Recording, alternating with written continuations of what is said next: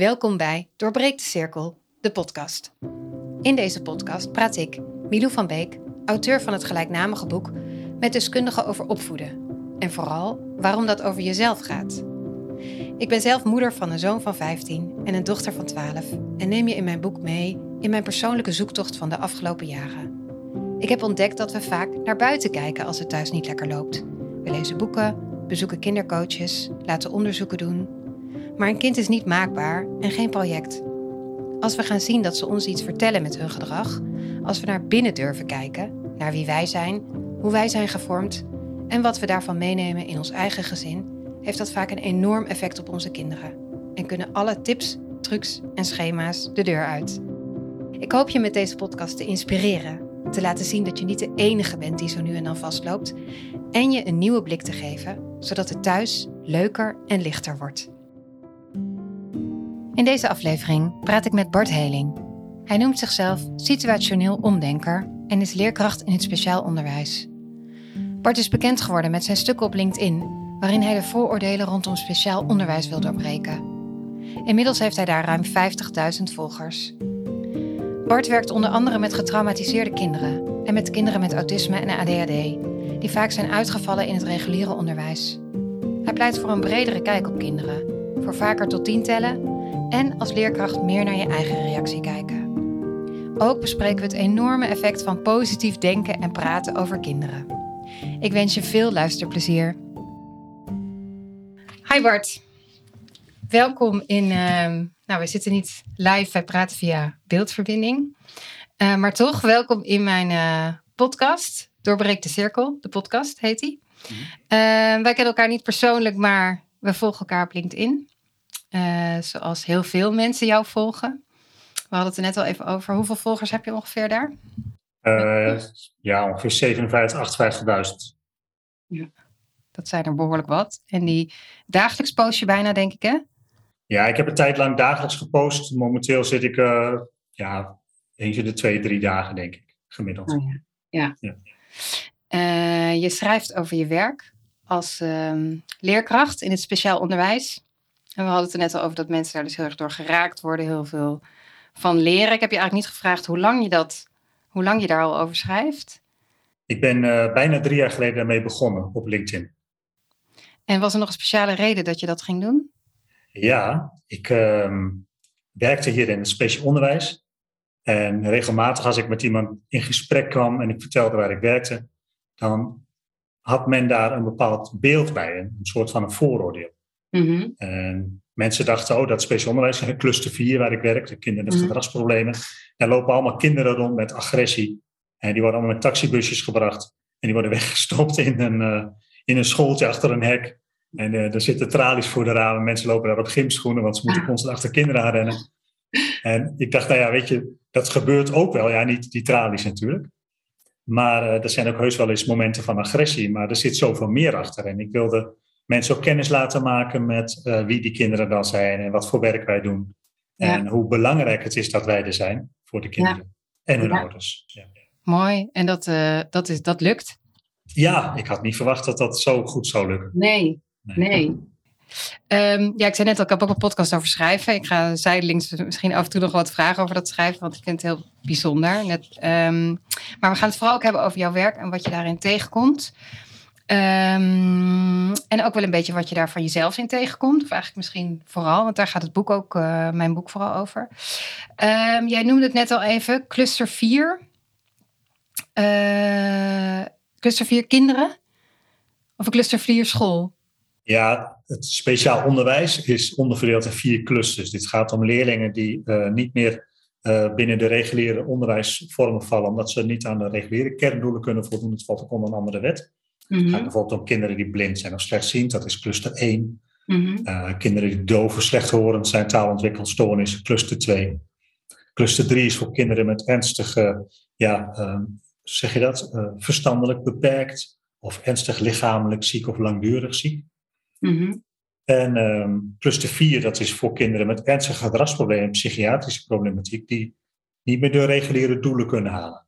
Mm-hmm. En vroeger waren dat wel de, de ZMOK-scholen, ZMOK, misschien ken je die term nog wel. Nee. Dat werden zeer moeilijk opvoedbare kinderen genoemd. Oh, dat ken ik wel, ja. Oh, dat, hebben we, dat zeggen we niet meer, hè? Nee, dat, dat kun je ook niet zeggen, want dan wordt het alleen maar bij de kinderen neergelegd. En er is ja. zoveel meer aan de hand, weten we inmiddels. Dus nou, dat zijn de cluster 4 scholen. Speciaal onderwijs niet te verwarren met speciaal basisonderwijs. Dat is heel wat anders. En, want dit is voor oudere kinderen? Nee hoor, nee, wij zijn voor kinderen van 4 tot 12 jaar, dat is het SO. En vanaf voortgezet onderwijsleeftijd gaan ze naar het VSO, het voortgezet speciaal onderwijs.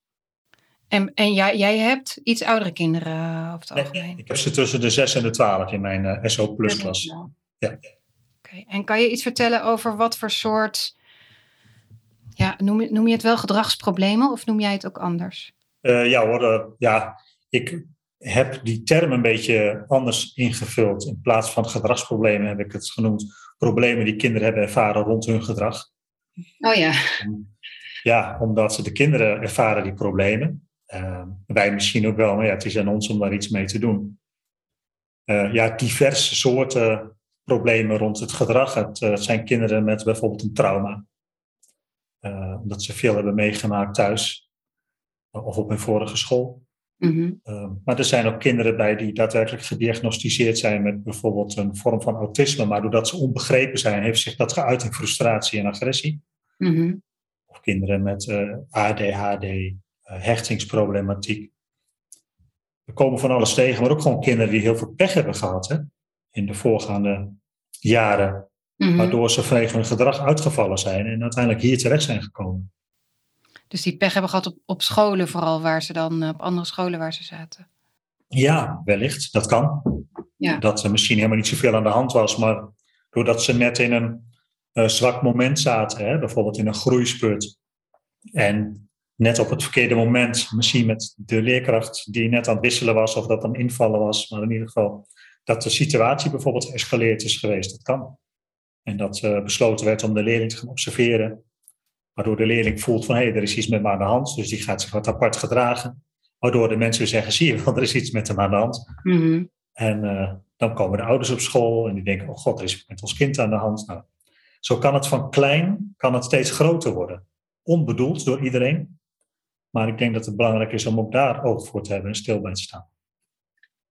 En dan bedoel je uh, dat er iets, dat er soms heel weinig nodig is om van een kind in het hoekje probleem, uh, problemen te, te zetten. Klopt. Ja, precies dat. Er is soms heel weinig nodig. Om, uh, ik, ik, denk ook dat er, uh, kijk, voor een hoop leerlingen is het heel fijn dat onze school er is en zitten ze hier prima op hun plek. Juist doordat ze zoveel hebben meegemaakt of daadwerkelijk gediagnosticeerd zijn met een bepaalde ja, gedrags- of ontwikkelingsstoornis, zoals men dat noemt. Mhm. Is het fijn dat wij er zijn, maar er zijn ook wel kinderen die hadden hier wellicht niet hoeven zitten. Mhm. Als er eerder gezien was dat er iets aan de hand was en hadden ze prima zich kunnen handhaven op de mhm. reguliere school.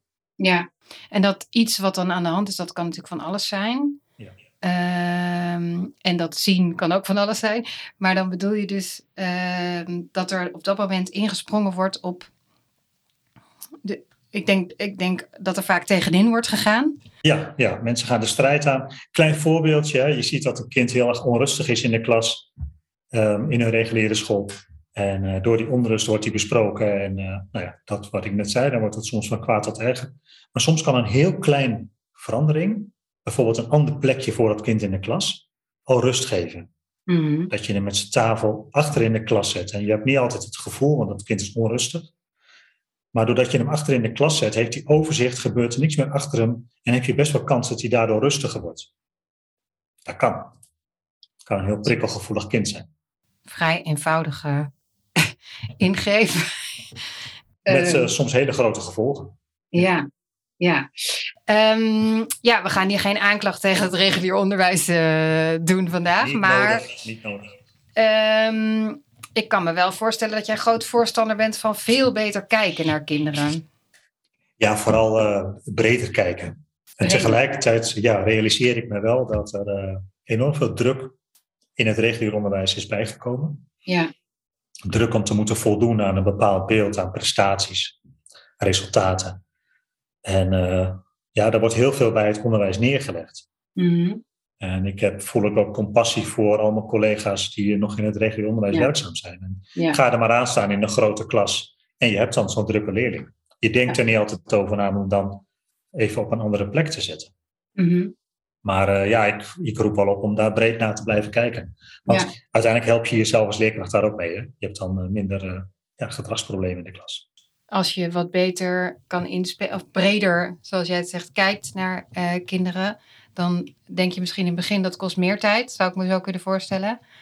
Klopt. Maar uiteindelijk levert het je heel veel ja. meer rust op. Ja, dat, dat kan. Hè. Zo zijn er natuurlijk nog duizend andere mogelijkheden. Maar door die bredere kijk ga je wellicht creatiever kijken en naar meer mogelijkheden denken. Ja. En hoeveel kinderen heb je in de klas? Ja, bij ons in het uh, speciaal onderwijs uh, zitten er maximaal twaalf in uh, de klas. Ja. En omdat je daar je handen vol aan hebt, is dat ook wel het maximum wat we hebben gezegd. Mm -hmm. En er zit er ook een onderwijsassistent bij. Nou heb ik binnen deze school nog weer een speciale klas. Dat is een SO Plus klas. Mm -hmm. Dit zijn kinderen die vanuit een thuiszittersituatie weer naar school gaan. En voor deze leerlingen is de drempel zo hoog, want sommigen hebben misschien wel een jaar thuis gezeten, dat we nog minder kinderen in mijn klas nu hebben neergezet. We hebben tot nu toe gezegd, we doen dat maximaal met vier tegelijk. Soms zijn het er zes. Maar uh, ja, dat is vaak al heel veel voor deze kinderen. Omdat ze zo niet ook gewend zijn aan die prikkels, aan de andere omgeving. Aan, um... Ja, dus het is voor de kinderen, ja, die willen ook weer naar school en ouders willen het ook graag. Mm -hmm. Maar uh, zoveel meegemaakt, zo'n hoge spanning om weer naar school te gaan. Dus we leggen die uh, drempel helemaal weg, geen verwachtingen. Maar het feit dat je aanwezig bent is al fantastisch. Ja. En, uh, ja, en wat vraagt dat? Kans? Ja, wat vraagt dat van jou? Rust. Ja. Geduld. En wat humor. Mm -hmm. Stabiel zijn. Ja, en een lange adem. En vooral zien dat het een proces is. Mm -hmm. En uh, wat vandaag niet lukt, ja, dat, dat lukt vandaag niet. Dan is het niet zo dat, uh, dat dat een probleem is of dat we dat vandaag gaan oplossen. Mm -hmm. Hè? Dat laten we gewoon voor wat het is. En morgen is er gewoon weer een hele nieuwe dag. Ja. En die, die ik, nee, ik denk dat je van jezelf al een wat rustig uh, temperament hebt, zullen we het, zullen we het zo zeggen? Dat, ik kan, ik kan me voorstellen dat dat, nou ja, anders ga je dat waarschijnlijk ook niet doen, dit werk. Um, maar niet altijd waarschijnlijk. Ik bedoel, je zal niet elke dag opstaan met een even rustig gevoel. Met er gebeuren natuurlijk ook dingen in jouw leven waar je, waardoor je misschien soms wat meer stress hebt of wat. Je, kijkt er wel alsof dat nooit voorkomt. Ja, ja ik, uh, ik probeer mijn leven toch zo, uh, ondanks dat er, dat er heel veel gebeurt naast mijn werk, want ik werk fulltime. En uh, ik heb drie inmiddels net volwassen kinderen, maar die hebben allemaal nog wel onze zorg nodig. Die wonen allemaal nog thuis en onze dochter weliswaar niet, maar die, die helpen we ook nog. Mm -hmm. En ja, en, en veel LinkedIn-activiteiten, presentaties, lezingen er nog bij. Mm -hmm. Dus ik kan het me niet eens permitteren om gestrest te raken of druk te zijn. Dus ik heb mijn, mijn rust gewoon bewaard. En dat ja. doe ik door af en toe korte momenten voor mezelf in te bouwen. De moment ja. waarop ik even op de mountainbike stap. Of het moment waarop ik even met de hond wandel. Ja. Uh, maar ook een moment waarop ik nu met jou aan het praten ben. Dat is eigenlijk een rustmoment. Ja. Grappig, ja. En, uh, ja. en, en het lukt jou altijd in, uh, want ik kan, nou, dat kunnen we allemaal lezen. Soms loopt het hoog op in, in, de, in de klas bij jou. Uh, zowel qua volume, emoties, als ook wel fysiek. Dat er dingen door de, door de klas heen gaan bijvoorbeeld. Of lukt het jou altijd om daar um, rustig bij onder te blijven? Inmiddels wel, ja. ja. In het begin had ik dat gevoel wel eens niet. Dan voelde ik me heel handelingsverlegen. ja, dat, dat voel je in onzekerheid. Dan blijf ik wel rustig, maar dan voel ik me niet sterk genoeg. Mm -hmm.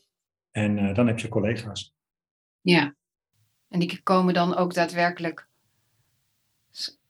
ter plekke te hulp? Of? Ja, we vragen elkaar om hulp. En ik werk hier ook met een ambulant hulpverlener in mijn klas van de jeugdzorg. En uh, die neemt het op dat moment van mij over. Ja. En, en inmiddels blijf je, zeg je, blijf je eigenlijk altijd uh, rustig. En uh, ja. schrijf je ook wel wat daarvoor nodig is. Bijvoorbeeld niet Ja, dit, niet reactief reageren is een rare zin, maar daar komt het wel op neer, hè? Ja, nee, het is geen rare zin zelfs. Uh, ja, ja ik, ik, ik, vul hem ook in, denk ik, zoals jij bedoelt. Want de mens is vrij reactief, omdat je direct reageert vanuit een eerste respons van, op de prikkels die binnenkomen. Ja. En dat is inderdaad heel interessant. Ik heb mezelf aangeleerd om dan even een paar seconden te wachten.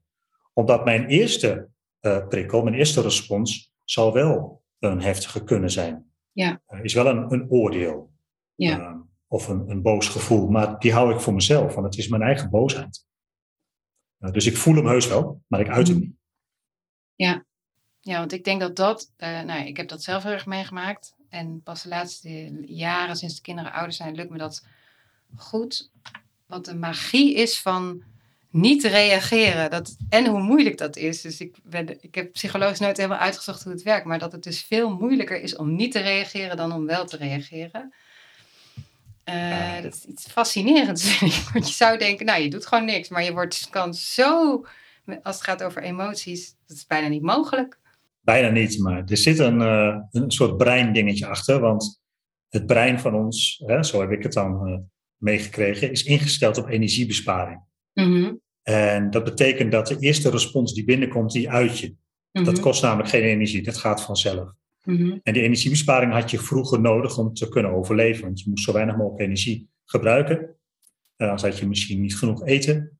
Maar inmiddels leven we in zo'n welvaart dat je best wel wat energie kan gebruiken. Want je hebt straks ook weer te eten en de koelkast ligt vol. Ehm, maar dat vraagt dus een stukje nadenken. En dan moet je je neocortex voor gaan gebruiken. Dus even wachten met die eerste reactie die vanuit je hersenstam komt. Mhm. Dan ga je nadenken, daar gebruik je executieve functies voor. Dat kost energie. Maar dan neem je straks gewoon een fruitreep of een banaan. ik heb altijd bananen bij me, dus dit, uh, ja. Oh, echt? Want merk je dat dan ook? Ja, ja, ik merk dat wel. En ik heb ook uh, regelmatig een stukje chocola in mijn tas. Oh. Hey, die kennis heeft je dan waarschijnlijk ook geholpen daarover? Absoluut. Ja. Ja. Ja, even dat moment wachten. Die, en dat zeiden ze vroeger al, even tot tien tellen. Maar dat is niet zomaar een uitspraak. Daar zit echt een hele wijsheid achter. Ja. Maar het hoeft geen tien tellen te zijn, maar even wachten. Dan kom je echt voorbij die initiële uh, gedachten die je had. En dan mhm. word je echt objectiever en dan ga je breder kijken. Ja, ja. Ja, en uh, ik merk dan ook, uh, want het gebeurt natuurlijk in de emotie, dat we, dat we in dezelfde emotie, bijna in die kinderlijke emotie, soms terug gaan reageren in situaties, maar ook in het oordelen. Ook de, de berisping ergens opzetten, die is ook heel makkelijk. Die, die komt er ook makkelijker uit dan dat je ook gewoon denkt, nou, laat maar gaan, weet je. Ik, ik hoef daar niet uh, wat van te vinden. Ja, wat naast die, uh, dat is mooi wat jij zegt, die berisping die jij dan geeft. Um, iedereen geeft een andere berisping daarop. En die is ingekleurd door wat jij aan overtuiging hebt meegenomen van vroeger. Ja. Jouw, ja. jouw pakket aan waarden en normen. En dat is ook helemaal niet eerlijk om dat te doen, want uh, als een kind te maken krijgt met tien verschillende volwassenen, krijgt hij tien verschillende berispingen. Ja. Nou, dat is helemaal niet eerlijk, dat is niet duidelijk. Uh, maar dat zijn namelijk de, dat is de boosheid van diegene zelf. Ja. Dus je hebt twee dingen. Je hebt en die eerste respons vanuit je brein, wat je wellicht in je genen al hebt meegekregen, epigenetisch of vanuit een vroege trauma of zeg het maar. Mm En je hebt je overtuigingen daar nog bij zitten, over de situatie. Ja. ja. Het is net als wanneer je boos reageert in het verkeer op een deelnemer die te lang links rijdt. Ja, je kan heel boos zijn, maar je weet niet waarom die zo lang links rijdt. Mm Misschien is het een, iemand die straks daadwerkelijk naar links moet en dan vast heeft volgevoegd mm aan de linkerkant, omdat hij bang is dat hij anders er niet meer tussen kan. Ja. Dat kan. Ja. Je weet het niet. Het kan ook ja. zijn dat hij uh, het gewoon niet beseft of dat hij uh, niet oplet, uh, omdat hij net ontslagen is. Mm-hmm. Het kan ook wel zijn dat hij het wel doet om jou te jennen, maar ja, dan nog heeft het geen nut om boos te worden. Nee, nee. En dat is denk ik ook hoe jij naar kinderen kijkt in de zin van er is, er is, je weet niet waar dit gedrag vandaan komt. Dus ik, ga er, ik heb er geen oordeel over. Ja, dit heeft een reden, dus dat is een, daar wil hij iets mee vertellen. Of, of... Ja, en dit is ook mooi, want je weet inderdaad niet waar het gedrag vandaan komt. Hè? Soms weten we het wel. En er wordt gezegd van ja, we zouden achter het gedrag moeten kijken. Ja. Maar um, dat kun je wel doen, maar als je dan 26 kinderen in de klas hebt en in the heat of the moment ga je niet achter het gedrag kijken, dan heb je geen tijd voor. Nee. En je kan het gedrag van de ander ook niet echt veranderen. Dat kan iemand alleen maar zelf doen. Mhm. En dat zeg ik vaak ook. eh, waar je wel eh, wat aan kan doen, is je eigen reactie. Mhm.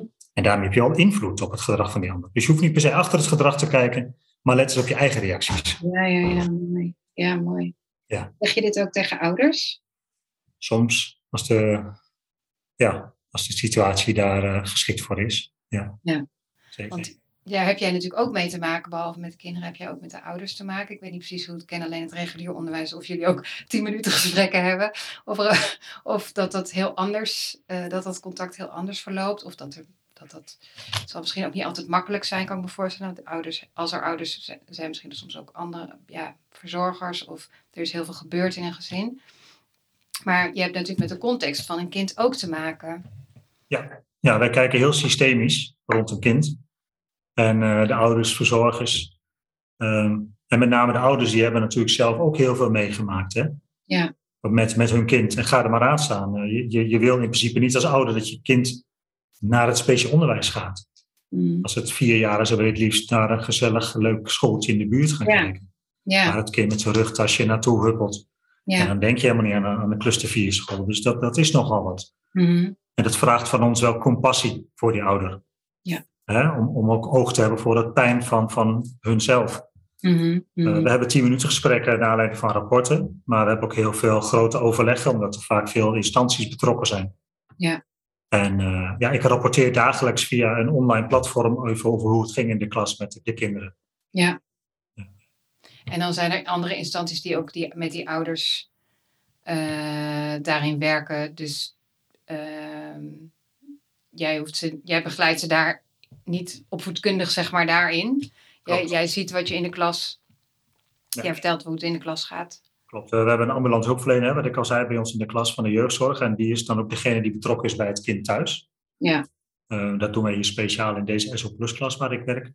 Om die verbinding met het thuis ook echt eh, tot stand te brengen. Ja. Om die, die krachtige driehoek school, kind, ouders eh, ja, te benutten optimaal mogelijk. Ja. En, Ah, kan je ouders wel eens een an- andere blik geven? Doe je dat wel eens? Zoals je zo in je stukjes zo mooi doet. jawel, jawel. Dat gebeurt zeker. Nadenkentje geven, hè, zonder het Ja. in te vullen voor ze. Maar eh, ja, dat, eh, dat gebeurt wel eens. Ja. Ja. Ja. Ik vond Het, heel eh, ja, sorry. Nou ja, wat, wat vond je mooi, zeg jij maar eerst. Ja, dat, ik las, en die komt volgens mij uit je boek, nog dat, je be- dat je een ouder belde en dat je wilde gaan vertellen over een akkefietje wat er was geweest die dag. En dat die moeder opnam met van, eh, wat heeft hij nou weer gedaan?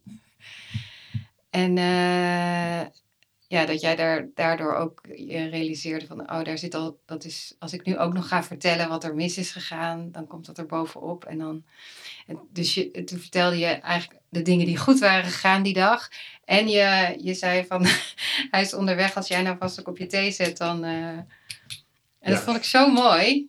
Toen dacht ik, wat verschil kan dat maken als hij thuis komt, dat hij niet de moeder heeft, die "Oh, maar een kopje thee heeft. Kippenvel. Dit is Ja. ook precies wat ik net wilde zeggen. Dat, dat realiserende. ehm, en dat zou je als leerkracht ook in het regulier onderwijs kunnen doen met, met zo'n beetje elk gesprek wat je voert met ouders.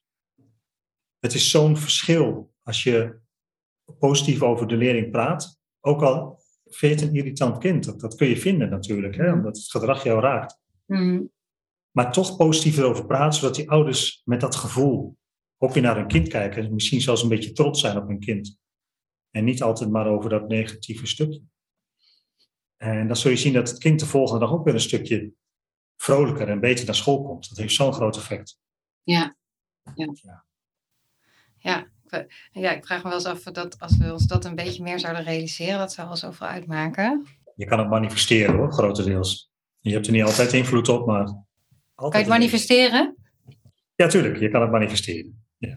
Het positief denken over je kind. Ja, zeker. Ja. Dus dat je je, voor, dat je, je ja, maar dat je voor je voorneemt, of ja, manifesteren is bijna dat je het voor je ziet, toch? Dus ik zat even te twijfelen. Ja, ja, je kan het voor je zien. En als je het voor je ziet, dan ga je er zelf ook daadwerkelijk van overtuigd raken dat het zo is. Dat is nog voorbij dat je het gaat geloven. Je gaat ervan overtuigd raken. Hm. Ehm, als je dat hebt, dan vertel je met die intentie daadwerkelijk positief over het kind. Dan wordt het ook geen gemaakt stukje. Mhm. Dat werkt niet.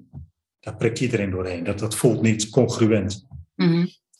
Dus als je het manifesteert en je gaat een beetje van het kind houden in de klas. Mhm. Je, je gaat genieten van jouw werk en van het kind. En je praat op die manier met ouders over dat kind. Ja, dan, dan leg je het ook al bij hun neer, dat gevoel. Ja. Ja. Dat kan niet anders. Mooi, mooi. Ehm, ik kan me voorstellen dat die kinderen jou ook, dat lezen, kun je ook lezen op LinkedIn, dat die kinderen jou ook veel leren. Ja. Over jezelf. Eh, De, en, want je wordt natuurlijk heel erg, ja, doordat ze je heel erg kunnen triggeren. Ehm, kun je, heb je daar voorbeelden van? Van eh, of een andere kijk die je bijvoorbeeld hebt gekregen op dingen door deze eh, kinderen? Ja, dan moet ik even graven naar een voorbeeld. Het moet zo meteen even op terugkomen. Ja. Maar eh, het klopt, ik eh, leer natuurlijk heel veel. Die, zeker. Ja, komen we straks nog even op terug. En van je vertelde net dat je zelf drie kinderen hebt. Ja. Ehm, ik kan me voorstellen dat dat. Ik weet niet of je. Of, hoe lang werk je in het speciaal onderwijs? Eh, ruim vijf jaar. Oh ja, dus dan- je was al gepokt en gemazeld als vader, zeg maar, toen je in het speciaal onderwijs kwam. Heb jij van je eigen kinderen ook ehm, veel geleerd wat je kan gebruiken in je werk? Ja, zeker. Ja. Ik heb eh, ja, drie kinderen. Ze zijn inmiddels alle drie in de volwassen leeftijd. Eh, de Mhm. jongste is bijna 19, de oudste is 24. Mhm. En een heel belangrijk onderdeel wat ik geleerd heb van mijn kinderen is eh, emotioneel neutraal reageren. Ja, Emotioneel stabiel. ja. Dat is ehm, namelijk een van mijn kinderen wilde mij een keer iets vertellen. Dus die kwam speciaal daarvoor naar beneden, eh, een Mhm. aantal jaren terug. Ik stond net op het punt om naar bed te gaan. Ik dacht dat iedereen sliep. Mhm. Met de vraag van, eh, pap, eh, ik moet jou iets vertellen waar ik heel erg mee zit. Maar wil je me dan beloven dat je net zo relaxed, net zo chill blijft als dat je nu bent? Mhm. Nou, het klonk heel serieus, heel ernstig. Dus heb ik natuurlijk beloofd. En toen kreeg ik het verhaal te horen wat inderdaad ja, dat vrij heftig was. Mhm. Ehm, en ik heb gedaan wat ik had beloofd. Dus ik bleef heel chill en relaxed. En pas daarna is bij mij de eh, realisatie daarvan doorgedrongen hoe belangrijk het is Mhm. om zo neutraal te blijven, zo stabiel, wel in verbinding, wel empathisch. Mhm. Maar zou ik heel erg geschrokken of boos gereageerd hebben, of in ieder geval met emotie, dan had mijn kind gezegd van nou laat maar. Want het kind zit op dat moment zelf zo vol met emoties dat er geen ruimte meer is voor om die emoties vermijden. mij. Ja. Dat is ook vaak de reden waarom een ander zegt, nee laat maar, ik, eh, Ja. komt wel goed of zo, ik, eh, ik red me wel. Ja. Door ja, stil te zijn, te luisteren. Ook echt stil, hè? ook niet een vraag stellen, maar gewoon echt stil. Mhm. Maar wel gewoon voor elkaar te blijven zitten. Mhm. komt het verhaal eruit. En eh, dat gebruik ik nu in mijn werk ook, ook naar ouders toe, naar kinderen. Die houding. Het is geweldig wat kinderen mij vertellen. Ja. Ja, geweldig en schrijnend natuurlijk, maar het feit dat ze het vertellen is, eh, is belangrijk. Ja.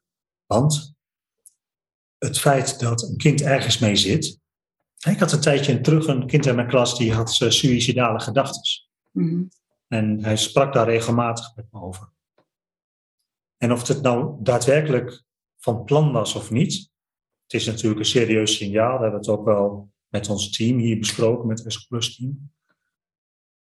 Maar um, door alleen te luisteren, zonder dat ik hem een advies gaf Mhm. of een tip, Mhm. um, gaf dat hem rust. Want hij wilde ook geen advies of tip, hij wilde het gewoon met mij delen, zodat hij niet meer in zijn eentje ermee hoefde te dealen. Ja.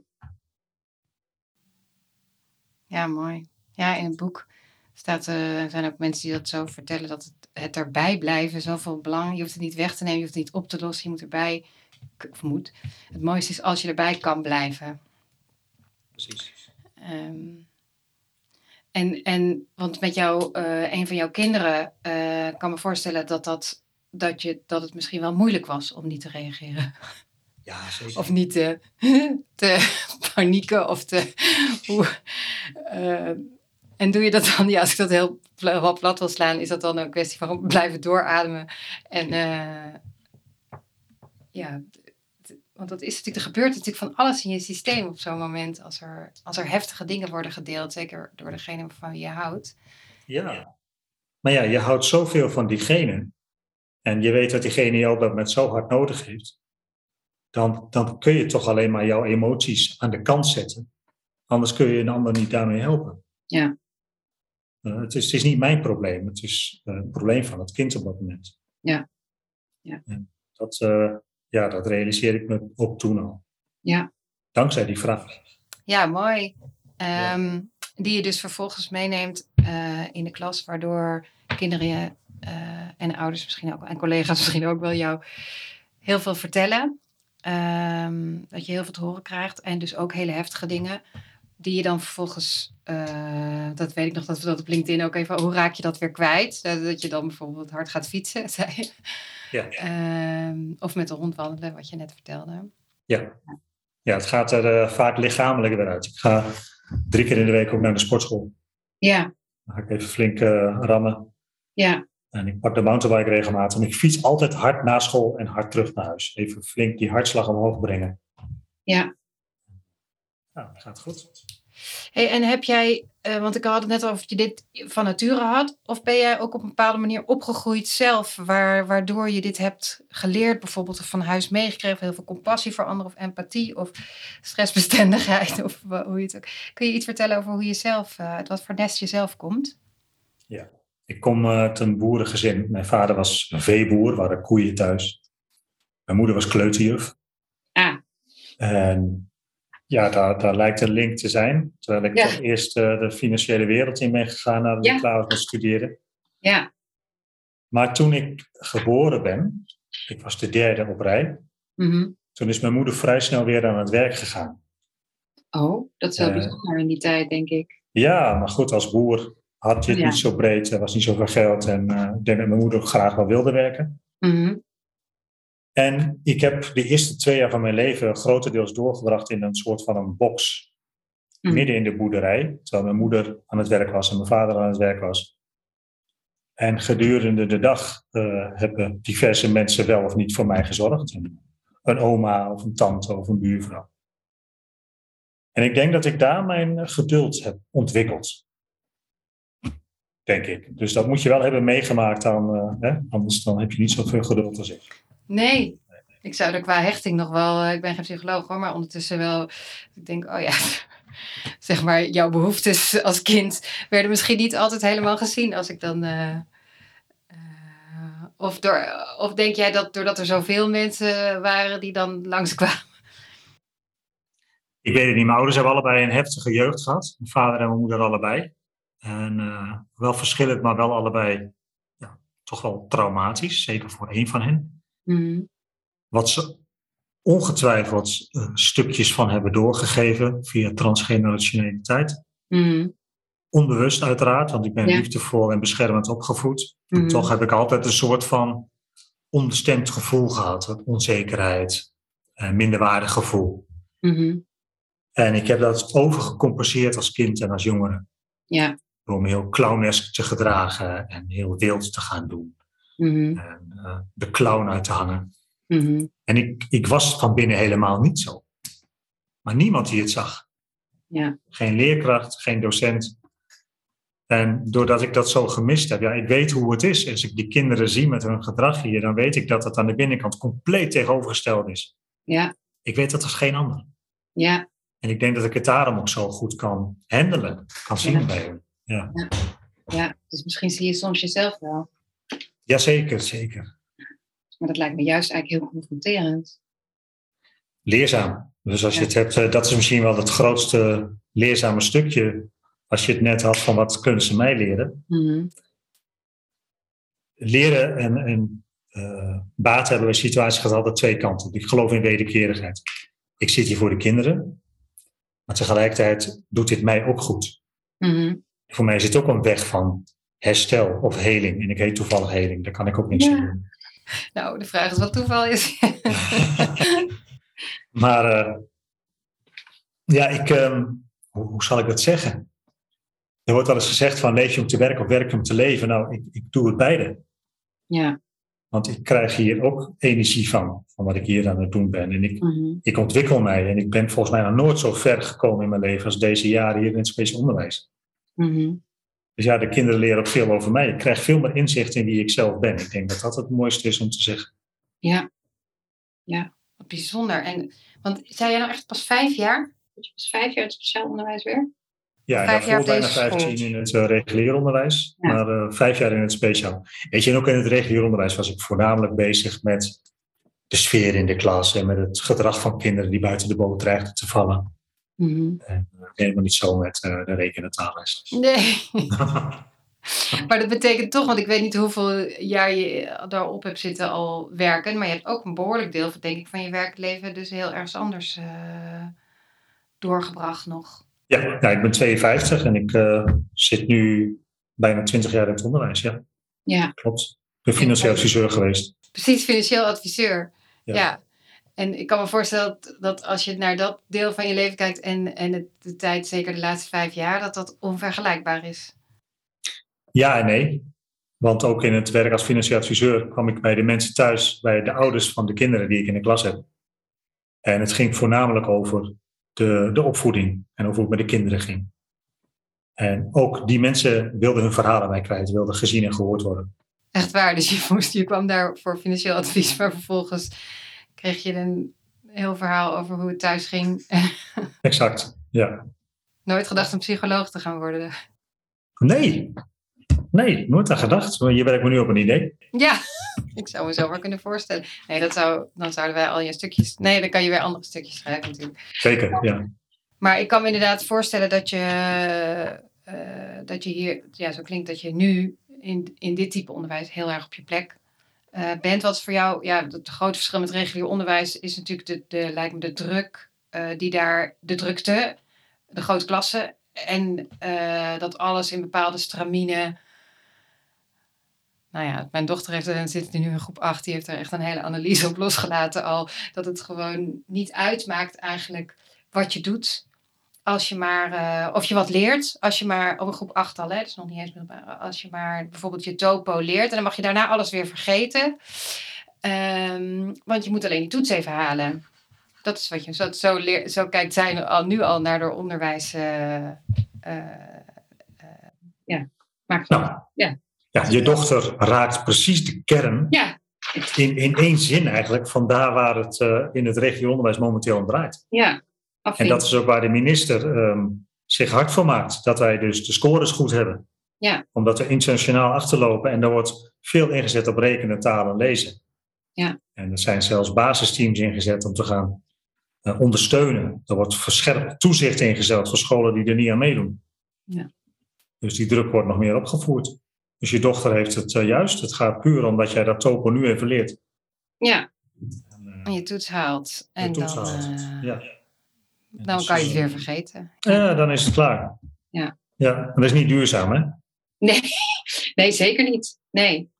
Want als ik met de auto rijd en ik rijd door het midden van het land, eh, ik woon hier in eh, Drenthe, maar ik kan dankzij de borden ongeveer zien waar ik naartoe moet, zonder navigatie. Maar mijn zoon, mijn oudste zoon, die was laatst met de auto naar Amsterdam gereden. En ik zei, oh, je komt zeker ook via Amersfoort. Oh, dat weet ik niet, zegt hij. ja. ik volg alleen de navigatie. Ja. Ja? Dus die heeft waarschijnlijk ook die topo-toets zo geleerd. Ja. En die is hem gewoon weer vergeten. Ja, ja. Ja. En hoe, eh, want er is natuurlijk nu best een verschil tussen het speciaal onderwijs en het regulier onderwijs. Ehm, ik weet niet precies hoe die ontwikkelt, of jullie te maken hebben met bijvoorbeeld heel veel instroom of wachtlijsten, of dat er veel ook bij jullie, dat er meer kinderen het speciaal onderwijs komen. Maar ehm, jij zei eigenlijk al, een aantal kinderen hadden in het regulier onderwijs kunnen blijven als er breder was gekeken. Ehm, wat zou jij, ehm, als je wat kon veranderen in het regulier onderwijs, wat zou je dan doen? Wat zou, zou je dan voor kiezen? Ja, als ik een grote verandering zou willen zien in het regulier onderwijs, is eh, dat ze het thematisch zouden gaan inrichten. Ja. En even heel kort, wat ik graag zou willen, ideaal plaatje, dat je twee jaar kleuteren hebt, waarbij kinderen eh, zich kunnen ontwikkelen onderling met elkaar. Dat Mhm. kinderen leren dat ze onderdeel zijn van een groep en dat andere kinderen naast hen kunnen spelen. Lekker creatief bezig zijn, maar vooral niet gaan toetsen. Mhm. Geen ontwikkeling volgen. Mhm. Maar eh, gewoon lekker kleuteren. En daarna één brede groep drie. waarin ze de basis leren van rekenen, taal en spelling. Maar zonder die verwachtingen, die druk. Mhm. Maar in ieder geval een basis. En dan vanaf groep 4 tot en met groep 8. werken vanuit thema's die zes tot acht weken duren. En binnen die thema's heb je diverse opdrachten. En onbewust reken je dan, uh, schrijf je dan, lees je dan en kies je zelf een presentatievorm. Maar goed, dat is een vrij grote verandering. Ja. Uh, wij zien het aantal aanmeldingen in het speciaal onderwijs natuurlijk ook toenemen. En dat is mhm. niet alleen bij ons in de regio, maar ik merk ook landelijk, hoor ik daar geluiden over. Tegelijkertijd hoor ik dat het gedrag heftiger wordt bij kinderen, complexer ook. En ook bij jongere kinderen. Mm Het heeft me aan denken gezet, want er zijn allerlei factoren, maatschappelijk gezien, die daaraan bij hebben kunnen dragen. Neem noem de mhm. coronaperiode, uiteraard de lockdowns. Uh, maar ook eh, de polariteit in de samenleving, het politieke landschap, mhm. waarin het lijkt dat je gewoon fouten mag maken, sorry zeggen en weer door kan gaan. Uh, ja, dat is wel de boodschap die je meekrijgt. En die krijgen ouders mee. Dat gaat ook weer doorcijpelen naar onze kinderen. En tegelijkertijd zie ik dat kinderen um, heel veel onduidelijkheid krijgen in opvoeding en op school. Er wordt heel veel gevraagd aan kinderen. Wil je dit en wil je dat? Ah. Terwijl als je tegen je kind zegt van kom, we gaan naar buiten, hier is je jas, want het is koud. Dat is duidelijk, hoeft hij er niet over na te denken. Want kinderen moeten er nog niet zoveel over na over denken. Maar er wordt tegenwoordig van alles gevraagd. Constant die focus op de wil van het kind. Ja, ik zei onduidelijkheid. Bedoel jij dan um, dat uh, ouders kinderen te veel vragen stellen. In de zin van uh, dat, dat ze te veel zelf moeten beslissen over de dingen die ze willen gaan doen. Dat je als ouder eigenlijk een soort directiever moet zijn van we gaan dit doen uh, vandaag. Uh, we gaan dit eten. Bedoel je dat zo, zo klein of is het? Ja, dan wel c'est le ton qui fait la muziek. Hè? Dat is wel de toon waarmee je het zegt. Want daarnaast, heel belangrijk, maak het leuk voor de kinderen. Mm -hmm. Neem daar de tijd voor um, naar bed gaan. Je kan er strijd van maken, maar je kan ook op een hele fijne manier met de kinderen naar boven gaan. Mhm. Als je de kamers gezellig hebt voorbereid, de pyjamaatjes liggen klaar, een voorleesboek, uh, dat het een feest is om naar bed te gaan. Mhm. Dan manifesteer je dat En de oude rust reinen regelmaat uiteraard, maar vooral, en dat is uh, denk ik de belangrijkste boodschap die ik iedereen wil meegeven, kunnen we nog wel genieten ja. van onze eigen kinderen. Nemen we er nog de tijd voor? Of mm. zitten we allemaal gekluisterd aan ons mobieltje? Ja. Moet het plaatje op Facebook gezet worden? Mm. Of is het plaatje al compleet voor jezelf? Mm. En uh, ja, ik zie dat best wel breed voorbij komen. Mensen die uh, thuis problemen hebben, maar op Facebook zie je toch de, de fantastische berichten voorbij komen. Ja. Dus echt genieten met elkaar de tijd nemen, ja. Eh, een spelletje doen. En ik vermoed dat daar een heel grote sleutel ligt voor die problemen die zich aan het ontwikkelen zijn. Mhm. Dus de druk die eigenlijk op scholen er ook is om te presteren, uh, die is er eigenlijk thuis ook. Uh, doordat er veel moet en, en weinig plezier en, en weinig veel afleiding. Uh, en en dat heeft gevolgen, zie jij? Belgisch op zich voor kinderen. Ja, zo zie ik dat. Dus als je uh, ouders ook wat mee mag geven, dan is het uh, hou het positief, hou het leuk, maak het leuk. Uh, niet visualiseer, zei je, maar uh, hoe noem je, wat is dat woord nou? Ik vind dat Welk, welk woord bedoel je? Ja, jij zei, het is niet visualiseer uh, dat het... Dat het, dat het Ma manifesteer. Manifesteer, ja. ja. En manifesteer dat leuk is. Uh, en, en blijf ook uh, regelmatig van het scherm weg. Ja. En speel niet alleen mooi weer ook naar buiten, maar, maar blijf ook zelf doe een spelletje in plaats van dat je achter dat scherm zit. En leuk is een heel belangrijk woord van intrinsieke motivatie. Mhm. En ik merk het hier al op school, als een kind na een tijdje zegt: Ik vind het leuk om weer naar school te gaan. Mhm. Ja, weet je, en heeft een tijd thuis gezeten, dan heb ik eigenlijk mijn doel al bereikt. Hier. En daarom vind ik het ook zo belangrijk om het thuis leuk te maken. Toen, toen mijn kinderen jong waren, toen uh, maakten we alles leuk. Opruimen zelfs met een uh, liedje van Bert en Annie. En moest je proberen om binnen die drie minuten dat het liedje duurde, je kamer te hebben opgeruimd. Mm Nou, dat was fantastisch. En nu doen ze dat zichzelf. Dan zijn ze spullen nooit meer kwijt, bijvoorbeeld. Ja. Ja. ja. Ja, het is wel, ja, het is wel interessant. Want we, ik denk dat we, en de, zelf ook als ouder, dat we eigenlijk best wel snel in een mopperstand kunnen schieten. Misschien ook omdat we zelf heel veel aan ons hoofd hebben dat je nog eerder gaat mopperen. En dat is zoveel effectiever om het zo te doen. Alleen, ja, je moet het soms. Uh, jij hebt dan misschien van een, een hele zonnige natuur. of het gaat jou misschien. Is dat iets wat je heel makkelijk naar boven kan toveren? Ja, maar het is ook mindset, hè? Ja. Volgens mij zit het in iedereen. En je hebt allemaal die wens. Ja. En uh, steek daar nu die energie inderdaad even in. Dus ga niet uit van die energiebesparing. Neem die fruitreep op die banaan. Ja. en, uh, maar maak het ook gezellig. Ja. ja. En, uh, dat, dat vinden kinderen heel fijn. En, ja. ja. Met als nadeel dat vorig jaar nog allemaal volwassen wilden ze allemaal nog mee op vakantie. En we gaan gewoon oh. met een tent hè, in Frankrijk. Oh. Op een luchtbed. En mijn vrouw en ik wilden eigenlijk wel een keer alleen, maar nee hoor, ze gingen allemaal mee. Oh.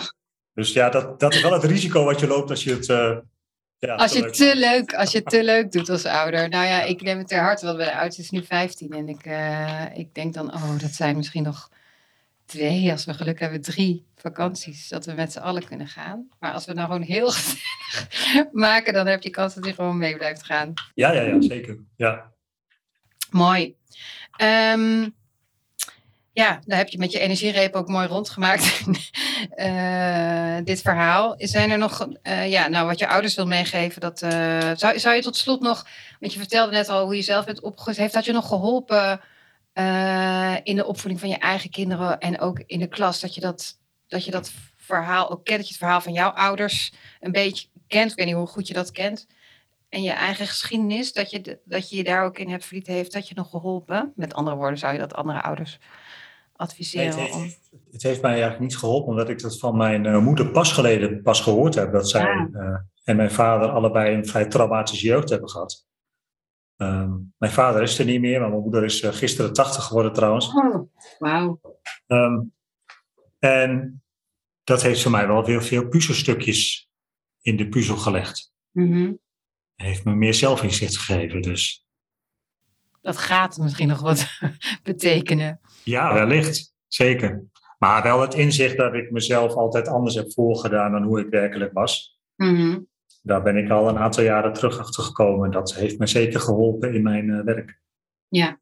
Ja, hoe belangrijk het is om congruent te zijn. Om te laten zien wie je echt bent. Ja. Echt, echt te zijn. Ja. Anders kun je met deze groep waarschijnlijk ook niet werken. Klopt. Dat kan ik me voorstellen. He, dat, uh, ik heb uh, de opleiding ervaringsgericht onderwijs ook uh, mogen doen. En dat zijn ook drie belangrijke waarden. Aanvaarding, echtheid en empathie. Die je gebruikt in gesprekken met, met kinderen. Ja. En aanvaarding is volledig, gaat verder dan acceptatie. Aanvaarding zit op groei voor wie jij bent. Mm -hmm. Echtheid is dat je ook kan zien wie ik ben. Mm -hmm. En empathie is de verbinding tussen die twee. Ja mooi. Ja. En, en zou je ouders, jij bent er dan onlangs pas achter gekomen. Zou je ouders, want ik kan me voorstellen dat in sommige situaties, sommige kinderen die jij ziet, dat daar systemisch, dat, dat, dat er bijvoorbeeld al langer dingen aan de hand zijn in, in die familie, dat patronen zich herhalen. Um, dat is natuurlijk niet iets wat je zomaar kan bespreken met ouders, maar in meer algemene zin.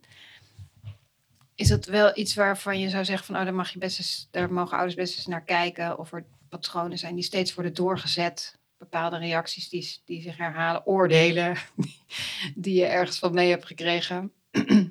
Ja, wat, kijk, algemeen het meeste wat ik merk bij ouders op het moment dat ze hier binnenkomen, is dat ze al zo'n heel traject achter de rug hebben. En gefrustreerd zijn en heel veel weerstand hebben opgebouwd tegen school. Dus dat is vaak het eerste wat we doen dat we tegen ouders zeggen van, uh, jeetje, wat heb je dan een heel traject achter de rug en nu zit je hier. Ja. En dat alleen al geeft al zoveel rust en ontspanning. Ja.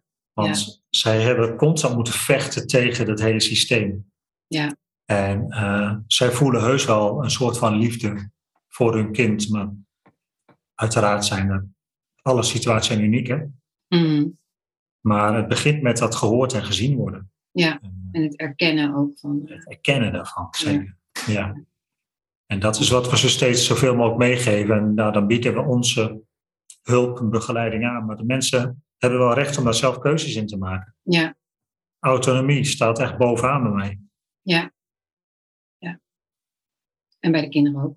Ja, zeker. Bij, jou, bij die kinderen van jou kan ik me voorstellen dat die ook nogal autonoom uh, zijn. Eigen kinderen? Ja, jouw kinderen, maar ook ja. die jij in de klas hebt. Ja, ja, ja, zeker. Ik, laat ze heel, ik geef ze heel veel vertrouwen. Ruimte en vertrouwen. Ja. Ja. En uh, ik vertrouw mezelf. En daarna straal ik uit, ik vertrouw jou. Vervolgens, uh, jij vertrouwt mij. En de laatste stap is, jij vertrouwt jezelf. Dat is het vierkant van vertrouwen. Die, uh, die wil ik altijd sluitend hebben. Ja, en dat is, ik kan me ook voorstellen dat ze dat weer opnieuw een soort van moeten opbouwen. Zichzelf vertrouwen. Dat ja. Iets een knauw krijgt in... Klopt, dat is de zwakste schakel van het, van het vierkant, zeker. Ja. ja. Heb je daar nog manieren voor om dat te doen? Of is dat iets wat gewoon gaandeweg door positieve ervaringen. Ja, en ik denk dat, uh, ja, dat, dat mensen daar natuurlijk mijn boek voor moeten lezen. Maar... Ja, hele goede, ja. en je volgt op LinkedIn. Ja, en mij volgen op LinkedIn, zeker. Um, nou, ik uh, zet het allemaal in de show notes nog even waar we jou kunnen vinden op LinkedIn en waar we jouw boek kunnen kopen. Uh, zodat we allemaal geïnspireerd kunnen raken door uh, jouw manier van kijken. Ja, ik ben nog vergeten te zeggen dat je, je noemt jezelf ook situationeel omdenker. Hè? Ja, ja, klopt. Dat houdt in dat je. In bepaalde situaties het omdenken gebruikt. en ik doe dat bijna in elke situatie die daarom vraagt. Waar creativiteit gevraagd wordt. En dat kan al heel eenvoudig door een onverwachte reactie te geven op een gebeurtenis. Dus een kind dat bijvoorbeeld jou uitscheldt of een kind dat zijn boekje weggooit, verwacht onbewust een boze reactie. Ja. Maar reageer maar eens anders. Ja. Reageer maar eens met een grapje of met de feitelijke waarneming. Alleen al is al onverwacht. Mm Ik hoor dat je dat tegen me zegt. Of ik zie dat je boekje daar ligt. En vervolgens ga je weer door met je werk. Er is wel verbinding, maar je geeft hem alle ruimte om dat zelf op te lossen. Ja, ja. Mooi dus, dat. Ja, zeker. Je thuis ook heel goed toepassen als ouder. Absoluut, ja. We denken natuurlijk dat we berisping moeten geven, omdat dat nou eenmaal zo hoort. Want je, moet toch, je kunt dat gedrag toch niet tolereren. En hoe moet dat dan? Als ze dan opgroeien, dan weten ze helemaal, hebben ze helemaal geen grenzen meer. En dan krijg je al dat asociale gedrag. Ja, ja, ja. Al die riedels, maar het tegenovergestelde, nou ik wil niet zeggen dat het tegenovergestelde waar is, maar het effect is wonderbaarlijk als je in plaats van de reprimande zegt wat je ziet en nou ja, dan maar wacht waar ze mee komen. Geweldloze communicatie en dat is een hele krachtige, want uh, ja, als jij denkt met die uh, reprimandes en dat, dat straffen, dan zit je in de roze olifanthoek en dan maak je de aandacht die je daarvoor hebt alleen maar groter en dan heb je juist kans op ontsporingen en uh, ja. excessen. Ja. Oké, ik sluit er echt af. Hartstikke bedankt voor je waardevolle inzichten en je tips. En nou, ik blijf je volgen. Dankjewel. Heel leuk gesprek. Het is ook voorbij gevlogen. Oké, okay. dankjewel. Jij ook. Dankjewel voor het luisteren naar de Doorbreek de Cirkel podcast. Meer informatie over Bart en zijn boek Gewoon Speciaal vind je in de show notes. Daar lees je ook meer over mijn boek Doorbreek de Cirkel, waarom opvoeden over jezelf gaat. Dat is verschenen bij uitgeverij Cosmos. Vind je dit een interessante of inspirerende podcast? Dan vind ik het heel leuk als je er wat over wilt delen op social media of een like of review op Spotify of Apple plaatst. Je kunt je daar ook abonneren, zodat je op de hoogte blijft van nieuwe afleveringen. In de volgende en laatste aflevering van deze serie praat ik met opvoedkundige en pedagoog Eva Bronsveld en Tisha Neven. Tot dan!